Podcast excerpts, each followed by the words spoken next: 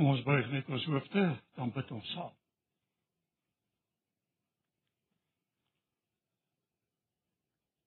Baie dankie Here vir 'n wonderlike voorreg soos hierdie. Waarin ons U lof kan besing. Waarin ons U naam kan aanroep, kan stil word voor U. En waarin ons met U woord besig kan raak. Dankie Here vir die wete dat as ons met U woord besig raak, is dit eintlik U woord wat met ons besig raak. Help vir ons om te hoor om te verstaan en om te doen. Ons bid dit in Jesus naam. Amen.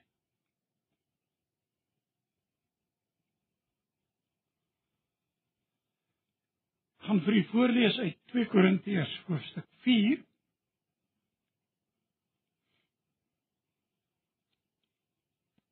Twee Korintiërs 4 eerste 6 verse.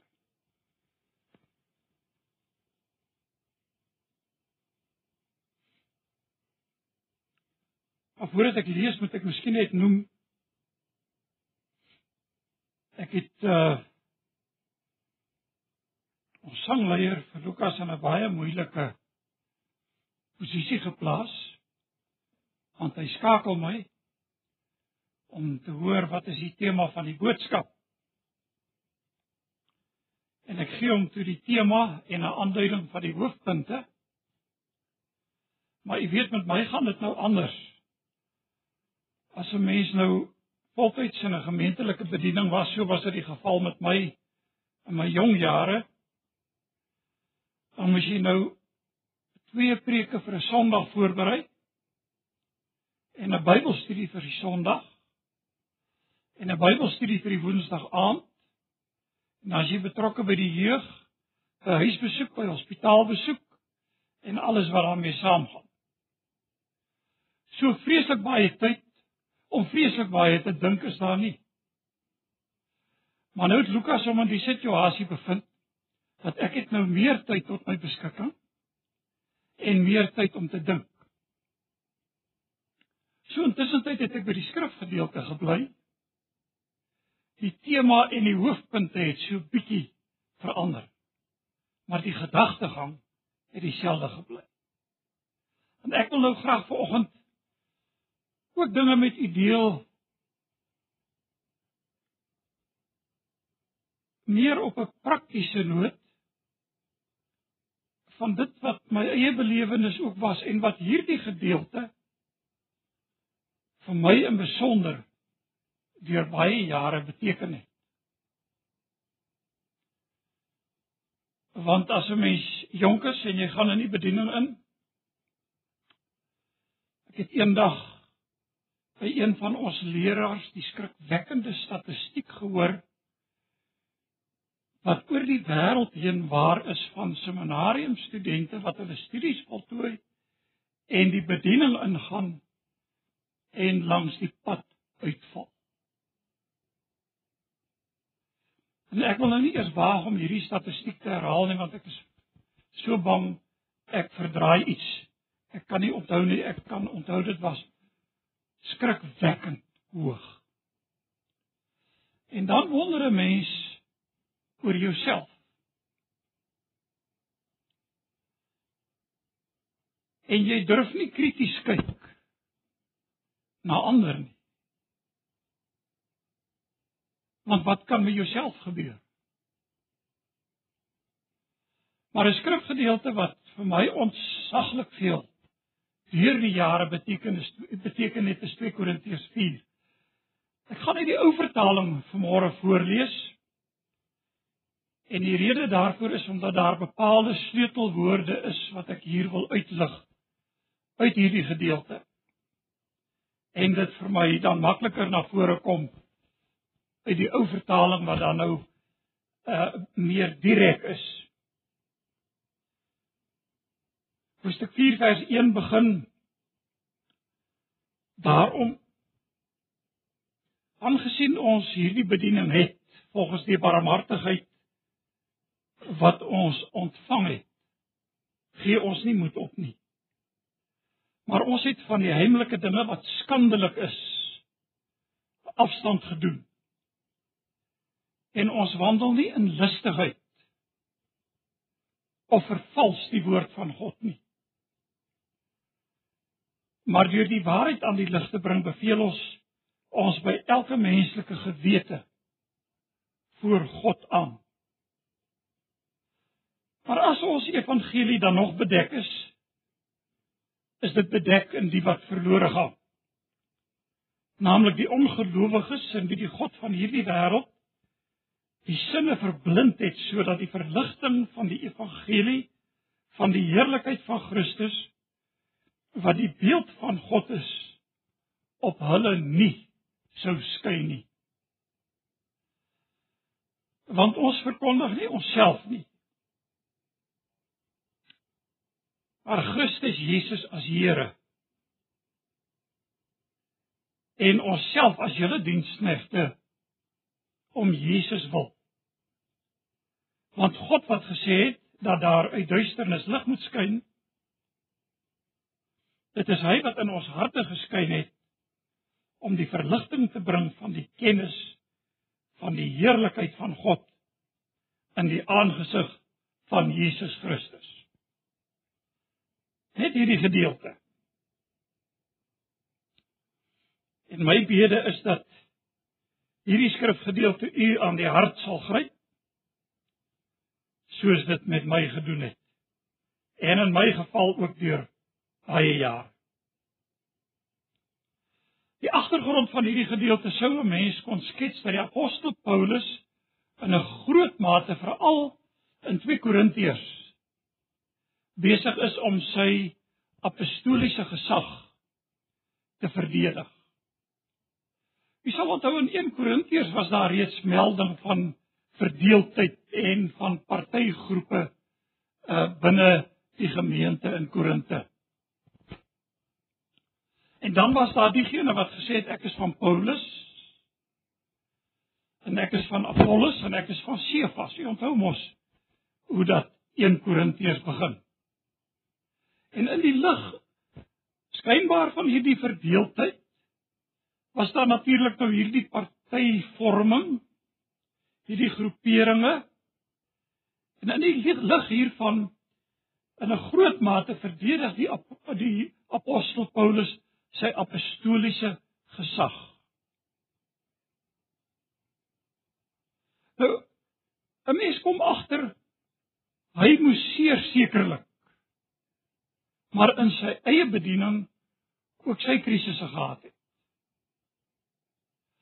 En ook sy teleurstellings as 'n mens nou baie mooi gaan kyk na 2 Korintiërs hoofstuk 4. So in hierdie stryd en in hierdie krisis was daar maar ook die ankerpunte waaraan Paulus moes vashou. Nou in daardie sin moet ek sê kan ons hierdie op almal van ons van toepassing maak en sê maar elkeen van ons staan ook in 'n bepaalde bediening. God het vir ons in 'n bepaalde bediening geplaas. Die leiers, die ouderlinge. Die mense wat vir ons help met die musiek. Die mense wat betrokke is by uitreitingswerk, die mense wat besig is met die kamp hierdie naweek. Almal is betrokke in een of ander bediening. En weet jy nou gebeur dit mos maar so langs die pad dat daar teleurstellings kom. Daar selfs ontnugterings kom. Daar stryd kom. En daar ook soms steenkanting kom. En dan in die lig van al hierdie gebeure is 'n mens mos maar geneig soms om moedeloos te word. En nou kom die apostel Paulus en hy daag ons uit opnuut vanmôre om te sê vervul jou bediening. Wil julle sal dalk vanmôre vir my sê ja, jy kan nou maklik praat. Want jy het nou ruk terug afgetree en jy rus nou op jou lauwere. Nou moet ek daarom vir die Bybel weet jy Na my aftrede het ek gebid en vir die Here gevra ek is nog tot sy beskikking. Ek sal nog help en nog betrokke wil wees. Maar vir al die administratiewe rompstomp as ek nou dink aan die seminarium en wat daarmee saamgaan, het ek gevoel ek het my deel daarmee gedoen. En weet jy die Here het deure oopgemaak. Deure oopgemaak in terme van preekgeleenthede. Iemand het vanoggend vir my gesê hy sien my nou te veel hier. Verlede Sondag was dit my voorreg om in Kreersdorp te preek. Ek is betrokke nog by die seminarium. So die Here gebruik 'n mens nog. Jy's nog in die bediening. Almal van ons staan in een of ander vorm van bediening. En nou kom die uitdaging. Ons moet daardie bediening vervul. En nou kom die apostel Paulus en hy wys vir ons hoe ons dit moet doen. Luister mooi hier na vers 1. Daarom aangesien ons hierdie bediening het, volgens die barmhartigheid wat ons ontvang het, gee ons nie moed op nie. So wat sê die apostel Paulus? Volhard. Ek moet hierdie bediening vervul in volharding. Watter bediening? Dis nou die woordjie wat ek wil opbring vanmôre. Dit lyk vir my ek het die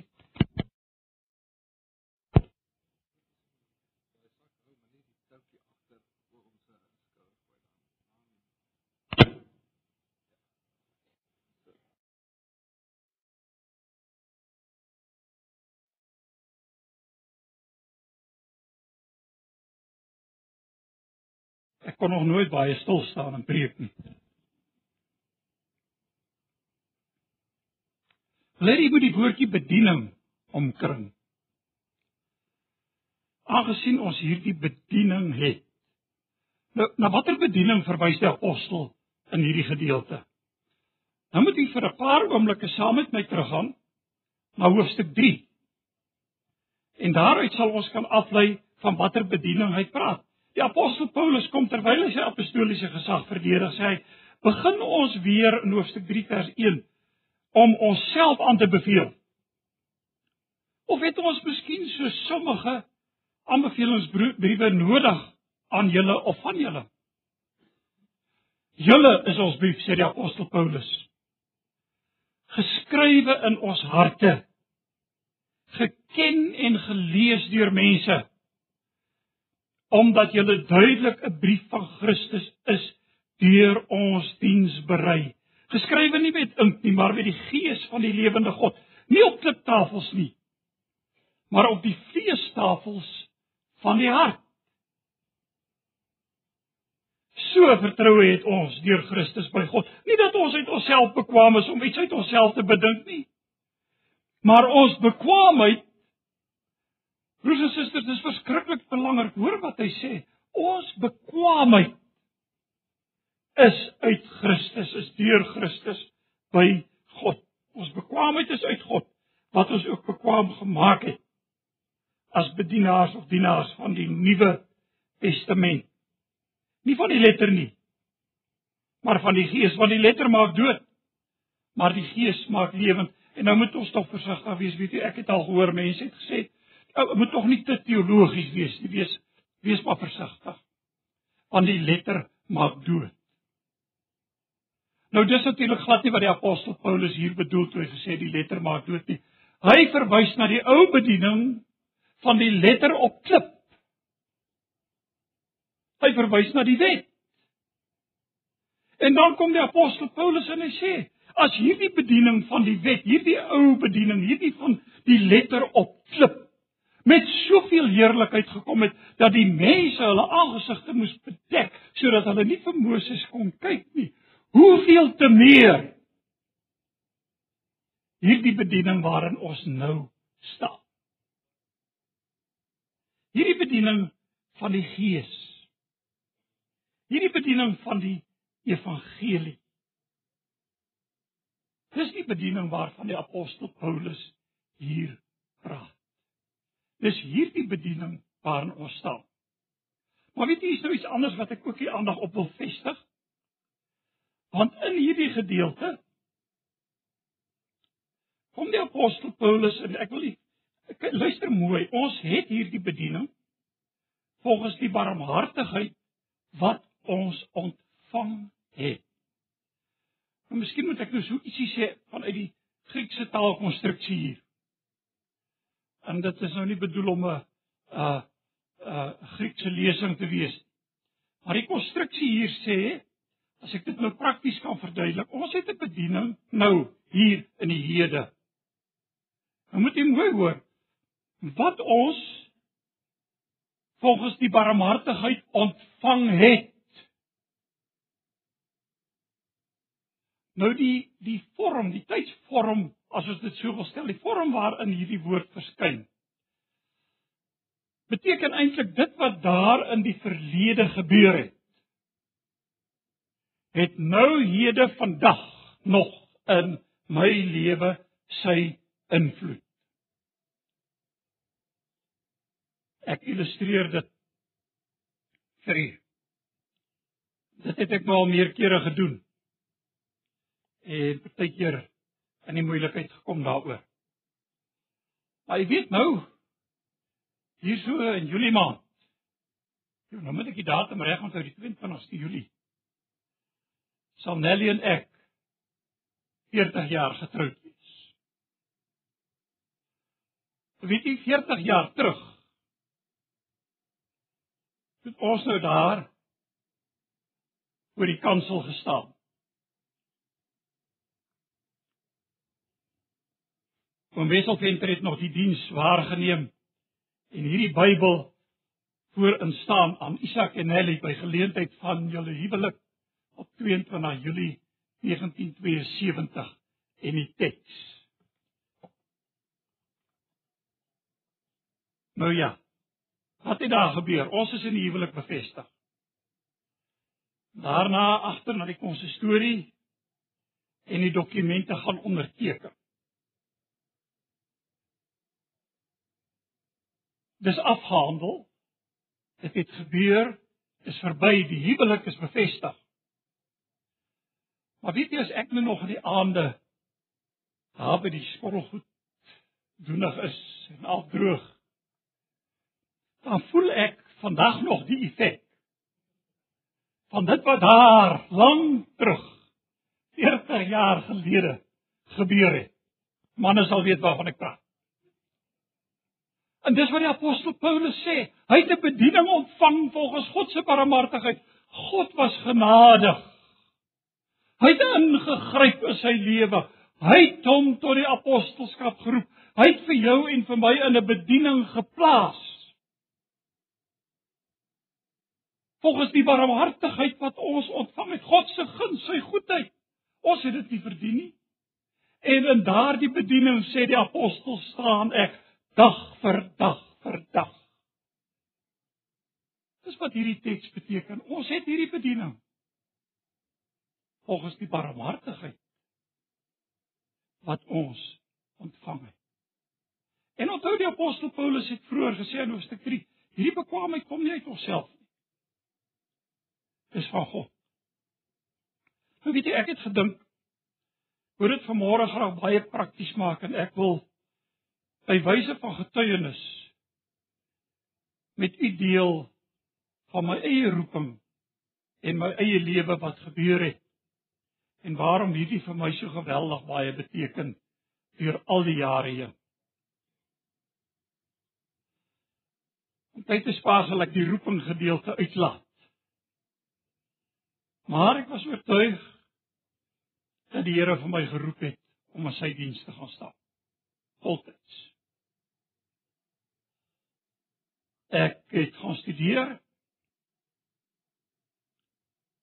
En weet jy, daar by die seminarium reg aan die begin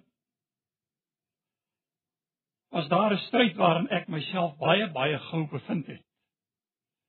Jy sien ek was iemand wat werklik daarvan gehou het of geweldige vrymoedigheid gehad het om voor mense op te tree en te praat. En weet jy nou daar by die seminarium sit jy nou reg in die begin van die jaar word daar nou wat ons genoem het 'n kritrooster opgestel en 'n kapelrooster. Nou die kapelrooster beteken elke student kry nou so 15 minute geleentheid om 'n kort boodskapie te bring. Nou die kritpreek was nou weer 'n groot geleentheid. Daarby moes die arme student daarvoor gaan staan, 'n volledige erediens as dit ware lei en 'n volledige boodskap bring.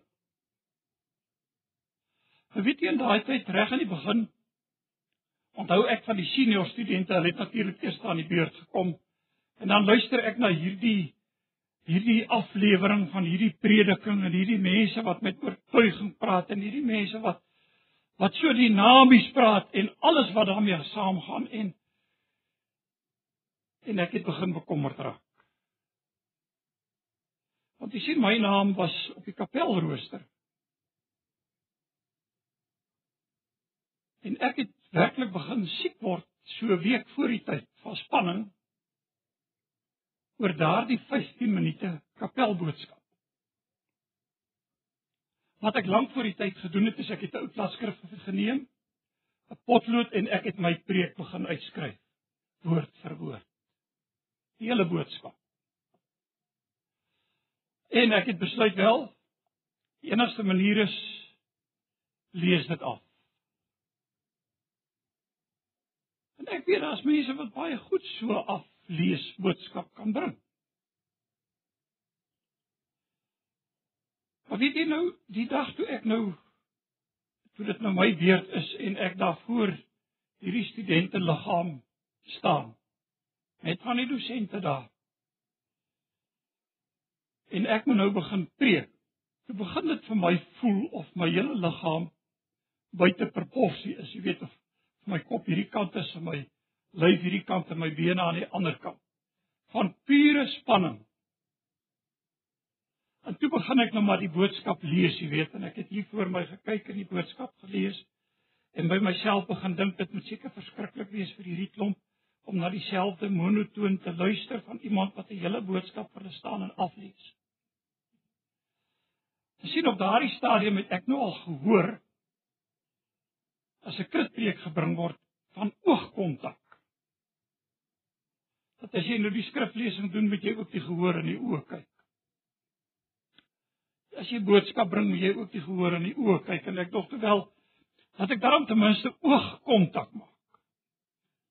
En toe maak ek oogkontak. En toe ek afkyk, is die plek weg. En ek weet nie waarom te lees nie en ek weet vandag toe nog ek ek weet glad nie of ek 'n stuk uitgelaat het en of ek 'n stuk oorgelees het nie, ek weet nie. Ek weet net ek is daar uit die kapel uit en ek is na my kamer toe en ek het gaan bid. En ek het vir die Here gesê ek was oortuig uit my geroep. As u nie hier 'n wonderwerk doen nie. 'n Wonderwerk in my lewe. As dit nie gebeur nie, kan ek maar net sowel my baadjie vat en loop, want wat maak ek hier? Daardie gebeurtenis het gouer gekom as wat ek gedink het. Ek is baie gou gevra om in die platteland in 'n gemeente wat op daardie stadium vakant was 'n boodskap te gaan bring. Die moeilikheid is net dis 'n gemeente wat ek goed geken het. Ek was as kind daar. en onnodig vir u om te vertel van al die spanning en die dinge wat ek deurgaan het. Ek ek het nog 'n ou studente vriend van my se motor geleen. En ek is na die dorp. En voor die diens het ek na Tannie gegaan. 'n Ou tannie wat daar gewoon het. Sy was interessant genoeg. Uh predikantsvrou gewees. En ek het vra gesê Tannie Koens, Vanmôre is ek in die moeilikheid. Ek het haar gaan oplaai. En toe dit vir haar sê, sy sê, sê maar ons weet mos wat om te doen. Sy het so gebrei. Sy het die tafel so gevat. Sy sê kom ons bid. Sy het gebid. Ons is daardie oggend na die kerk gebou. Vroeg vroeg. Daar was nog niemand nie. Iemand het ook besluit, "Dit kan ek nou nie meer onthou nie. Dis al baie jare terug." Wat ek kan onthou is my worsteling agter in die konsistorie daardie oggend. Want vir myself het ek gesê daar's nog soveel minute voordat die diens begin. Ek kan nou stil stil hier uitsluip en in die kar klim en ry en niemand sien my nie. En dis oor en uit. En toe bid ek en ek vra ag die Here moet vir my help. En erger nog daardie oggend toe bid ek of die Here nie maar sal gee dat daar geen mense sal opdaag by die diens nie. En dis was een van die gebede wat die Here glad nie verhoor het nie. Want toe ek uitloer, toe sien ek net karre buitekant staan. En weet jy, ek het daardie oggend ingestap.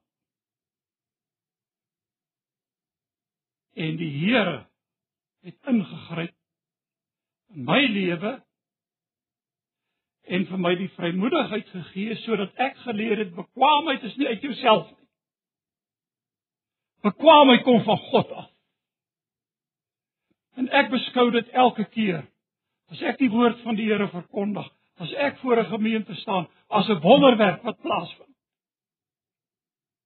Omdat dit God se ingrype in 'n mens se lewe is wat vir jou in staat stel waar jou bekwaamheid vandaan kom. Jy sien as die bekwaamheid uit myself uit was. As dit deur my eie vermoëns was. As dit deur die hierdie feit dat jy deur die seminarium is gestudeer het en al die dinge, as jou bekwaamheid daarin gelê het. Broers en susters, die eerste teëspoed wat jy gekry het, het jy jou baadjie gevat en geloop nie waar nie?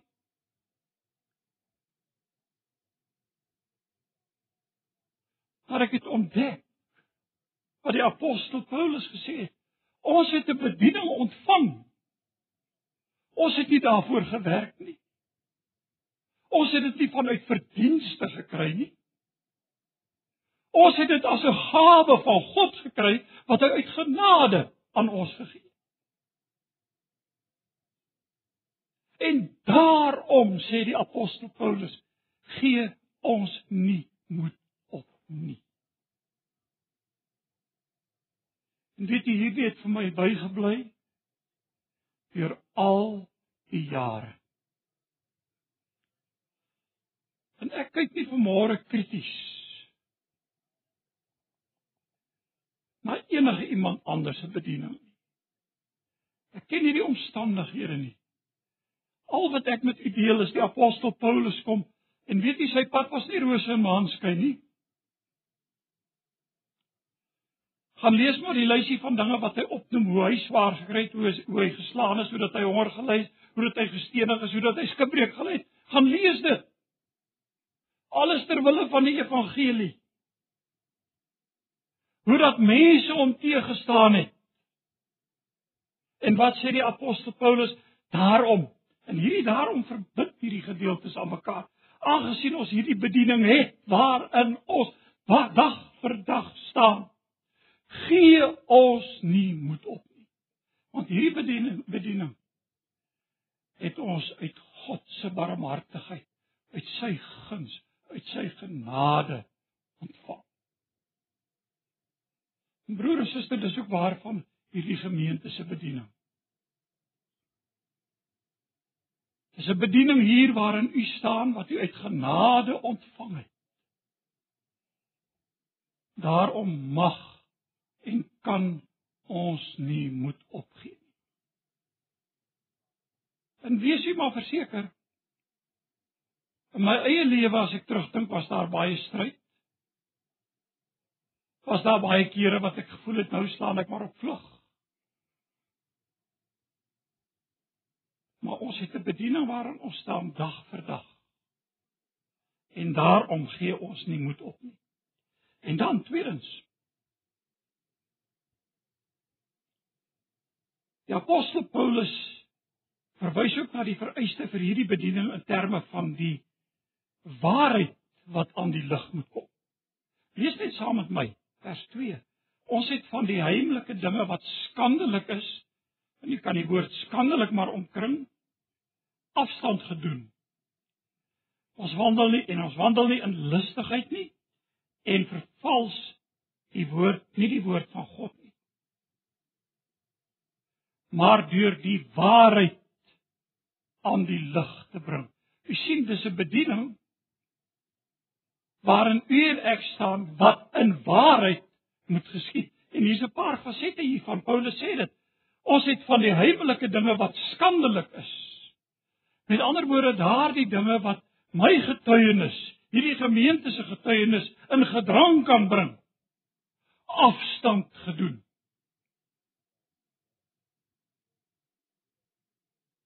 En dan sê die apostel Paulus, ons wandel ook nie in lustigheid nie en ons vervals nie die woord van God nie. Met ander woorde, dit gaan oor die absolute waarheid. Dit is hierdie gemeente, dis u en my verantwoordelikheid om te toe te sien dat wanneer daar gepreek word, wanneer daar getuig word, wanneer wat ook al gedoen word, dat dit in waarheid sal geskied. En weet jy, waarheid is nie net 'n stel leerstellings waaroor dit gaan. Waarheid is 'n lewenswyse. Ek weet nie of julle mense nog die koortjie ken nie. As jong mense het ons altyd 'n koortjie gesing. What you ask speaks so loud that the world can't hear what they what you say. They are looking at your walk, not listening to your talk. Ek leef ook die waarheid. Die waarheid word bekend gemaak deur sang. Deur aanbidding. Deur prediking deur leefwyse. Al hierdie dinge bring die waarheid aan die lig.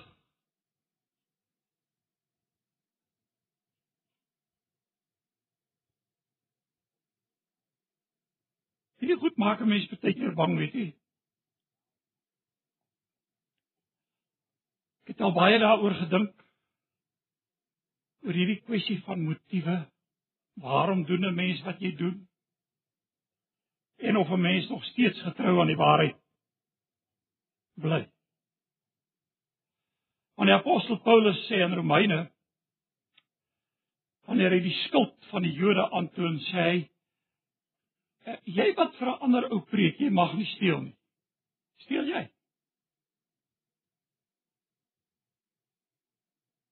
En dan dink 'n mens daaraan veral vir iemand wat hier voor staan en die woord bedien.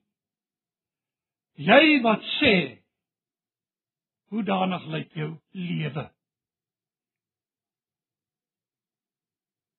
En dan is dit maar altyd 'n moeilike ding om hand in eie boesem te steek. Want weet jy 'n mens se motiewe is 'n nare ding. Reg sê die Bybel dat die hart is so ondeurgrondelik. Wie ken dit? Wie ken dit? Ek onthou baie goed. Baie jare terug by promosieplegtigheid.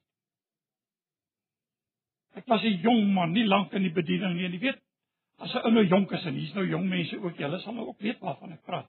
As 'n mens mos maar baie keer baie voortvarend en 'n mens praat baie keer voor jy dink.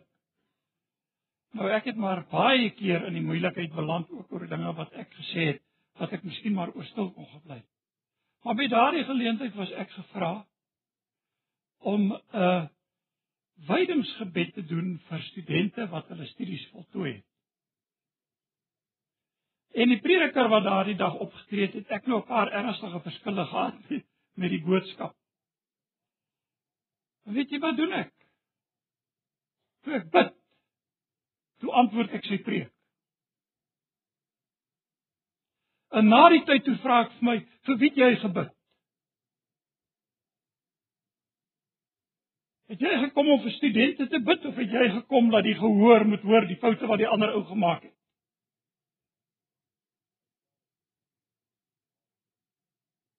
Miskien het ek ontdek hoe maklik hoe maklik kan 'n mens met 'n verkeerde motief optree. Dit het my so bang gemaak dat vir 'n geruime tyd was ek huiwerig om in die openbaar te bid want ek het vir myself gesê bedrieglik is die hart bo alle dinge. En die Here vra ek vra hom vandag nog om my te help. Wanneer ek bid, dit te doen omdat ek met hom in gemeenskap is. Gaan wonder dat Spurgeon by geleentheid gesê het, as jy nie kan bid nie, huil voor die Here. Maar gaan staan net voor. Want 'n mens se woorde kan jou so maklik in die moeilikheid laat beland. Deur alles wat ek doen. Deur alles wat ek sê. Dis wat die apostel Paulus sê, moet die waarheid aan die lig kom. En so sê hy, beveel ons ons by elke menslike gewete voor God aan. So, afstand gedoen van die heimelike dinge wat skandelik is. Letterlik wat die lig nie kan verdra nie. Dit wat jy sou wil wegsteek, wat skandelik is. Ons wandel nie in lustigheid En ons vervals nie die woord van God nie. Die Bybel plaas 'n hoë premie op die waarheid. Die waarheid van prediking. Die waarheid van lewenswandel van elke faset. En dis waaroor dit hier gaan. Maar nou kom die apostel Paulus en ek gaan net kortliks hier by stil staan. In vers 3 en 4 lyk dit so asof dit nou een van die krisisse is wat hy kon beleef het of dit nou van die gemeentelike krisisse was of dit sy eie was. Dit sê die skrif nie vir ons nie, maar luister wat sê hy. As hy nou die waarheid openlik, en dit wat die nuwe vertaling ook sê, bekend gemaak het. As die evangelie dan nog bedek is, is dit bedek in die wat verlore gaan. Hierdie betekenis in die proses, hulle gaan verlore. Dis bedek in die wat verlore gaan, naamlik sê hy die ongelowiges in wie die god van hierdie wêreld letterlik kan ons ook vertaal van hierdie bedeling die sinne of die verstand so verblind het sodat die verligting van die evangelie van die heerlikheid van Christus wat die beeld van God is op hulle nie sou skyn nie. Broer en suster, en dis net 'n feit. Hoe wonderlik en hoe heerlik is dit dat ons hier kan by hier by mekaar kan wees. En kan sê hierdie lig van die heerlikheid van die evangelie van die Here Jesus het ons verstand verhelder. Want sê die apostel Paulus, Julle wat dood was in die misdade, het hy lewend gemaak. Vanuit ons eie vermoë kan ons nie, vanuit ons eie vermoë verstaan ons nie. Maar die lig het op ons geskyn, God se genade het tot ons deurgedring. Maar hoeveel duisende, hoeveel miljoene mense loop daar buite? Salig onbewus van wat aangaan, doodgelukkig in 'n verlore toestand. En dan herinner ek my aan hierdie woorde: Die God van hierdie wêreld wat die sinne, die verstand verblind het. Wat dit nie kan sien nie. Dit baie mooi illustrasie in hierdie verband gelees. Omdat daar blinde mense in hierdie wêreld is. Beteken dit dat die son nou minder helder skyn? Nee. Die son skyn nog net so helder. Die evangelie van die Here Jesus Christus skyn nog net so voort. En die apostel Paulus kom voor hierdie realiteit te sê, as daar dan nog maar as ons evangelie dan nog bedek is. Hy het sy roeping vervul, hy het sy taak vervul, hy het die waarheid aan die lig gebring. En dis u en my verantwoordelikheid. Jy en ek kan 'n mens nie red nie. Dit kan God alleen doen. Jy en ek kan 'n mens nie oortuig nie, dit kan die Gees van God alleen doen. Maar jy en ek kan die saad saai. Ons kan nat gooi. Maar is God wat laat groei, sê die apostel Paulus. Onthou dit. Daarom gee ons nie moed op nie. Daarom gaan ons aan. Daarom het ons 'n bediening wat ons moet vervul wat ons ontvang het volgens die barmhartigheid. En dan net laastens. Hierdie bediening is 'n bediening van diensbaarheid. Want sê die apostel Paulus in vers 5: Ons verkondig nie onsself nie. Maar Christus Jesus as Here en onsself as julle diensknegte letterlik as julle slawe om Jesus wil. En weet jy, wie sal dit nou vreemd vind, maar ek het selfs 'n worsteling gehad. Terwyl ek in my voorberei voorbereiding besluit het ek wil graag met julle my getuienisse deel omdat dit iets is wat vir my ontsettend baie beteken het omdat ek graag die naam van die Here daardeur wil grootmaak en omdat ek weet dit dalk vir iemand hier ook iets kan beteken. Maar weet jy waar waarvoor het ek lig geloop? Ons verkondig nie onsself nie.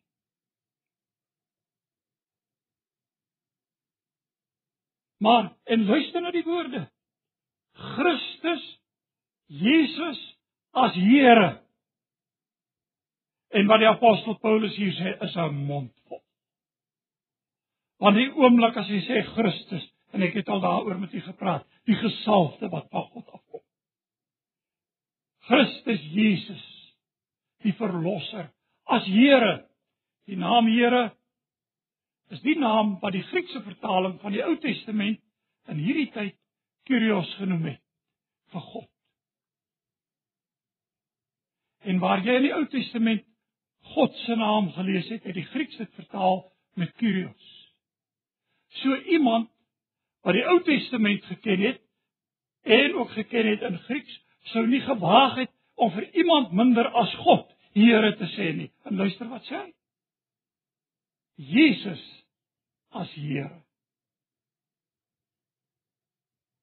Ons sing baie keer, ons sing die koortjies so lekker. Hy is hier. Hy is hier.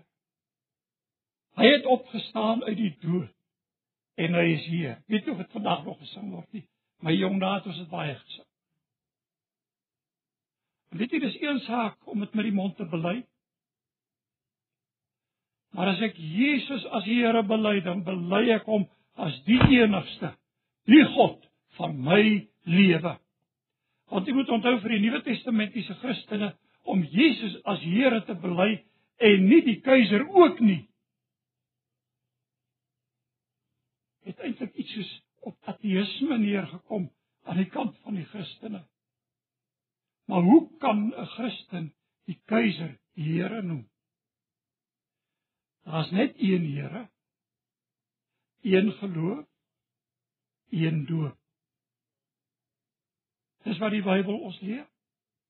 Ons verkondig nie onsself nie. Weet jy ek sien as ek hierdie teks lees, dan sien ek so iets van Johannes die Doper raak.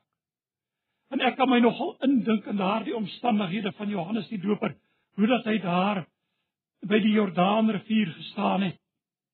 En hoe dat Jesus na hom toe aangekom het en hy Jesus gesien het en hy weggewys het van homself en gesê daar is die lam van God. En het hy ook gesê hy moet meer word en ek minder. En kom die apostel Paulus sê ons verkondig nie onsself nie. Dit gaan nie om eie belang nie. Ek is iemand wat moet heenwys en die weg wys na Jesus toe. Christus Jesus as Here en my plek. Wat sê die apostel Paulus? 'n Slaaf ter wille van Jesus. 'n Slaaf ter wille van Jesus. Paulus se lesers hier in Korinthe moes baie goed geweet het wat dit beteken.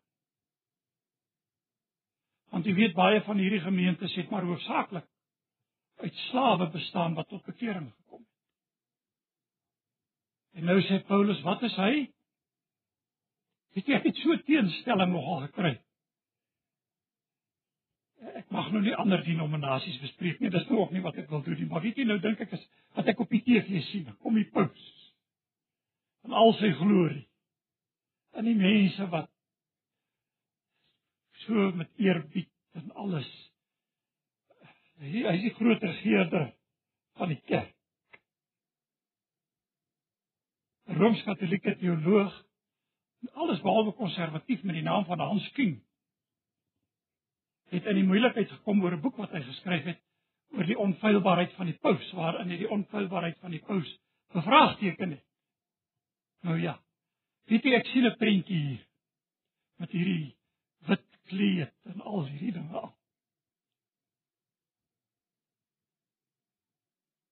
En dan dink ek wat hoe Paulus gelyk. Want Paulus word ook beskou as een van daai vroeë vroeë pause van die apostoliese gesag. Slaaf. Terwyl van Jesus is wat hy was. En dis wat ek en jy behoort te wees. Slawe ter wille van Jesus. Want die werk is nie ons nie. God wat gesê het laat daar lig skyn. Sê die volgende vers. Dat daar uit die duisternis lig moet skyn. Dis hy wat in ons harte geskyn het. Dieselfde wonderwerk wat plaasgevind het by die skepping toe daar lig was. Dis daar dieselfde wonderwerk wat plaasgevind het in jou en in my lewe toe die lig van die evangelie ons verstand verlig het.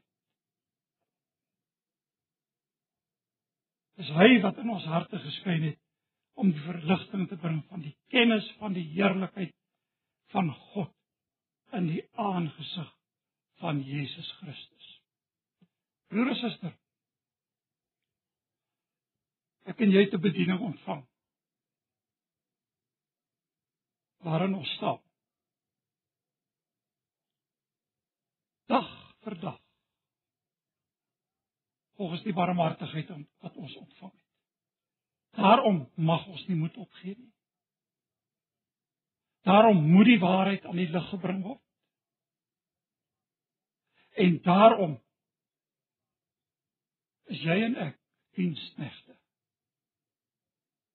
ter wille van Jesus. Ons is sy slaaf.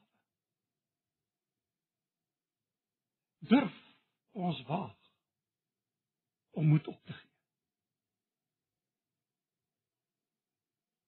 Kom ons bid saam. Ons Vader, ons dankie vir u woord.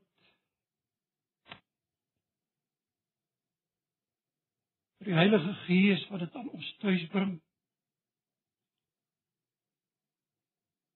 En dankie vir die lig van die evangelie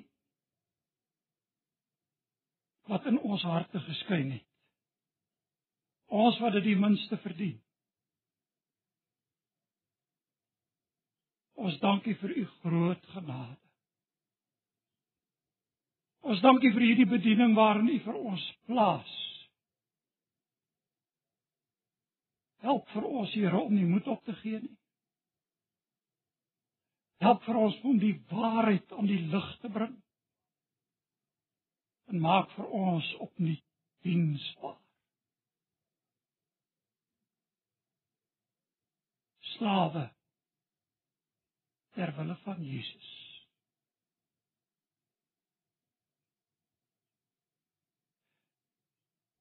En mag dan nou die genade van ons Here Jesus Christus die liefde van God ons hemelse Vader en die gemeenskap van u Heilige Gees met elkeen van ons wees en bly. Amen.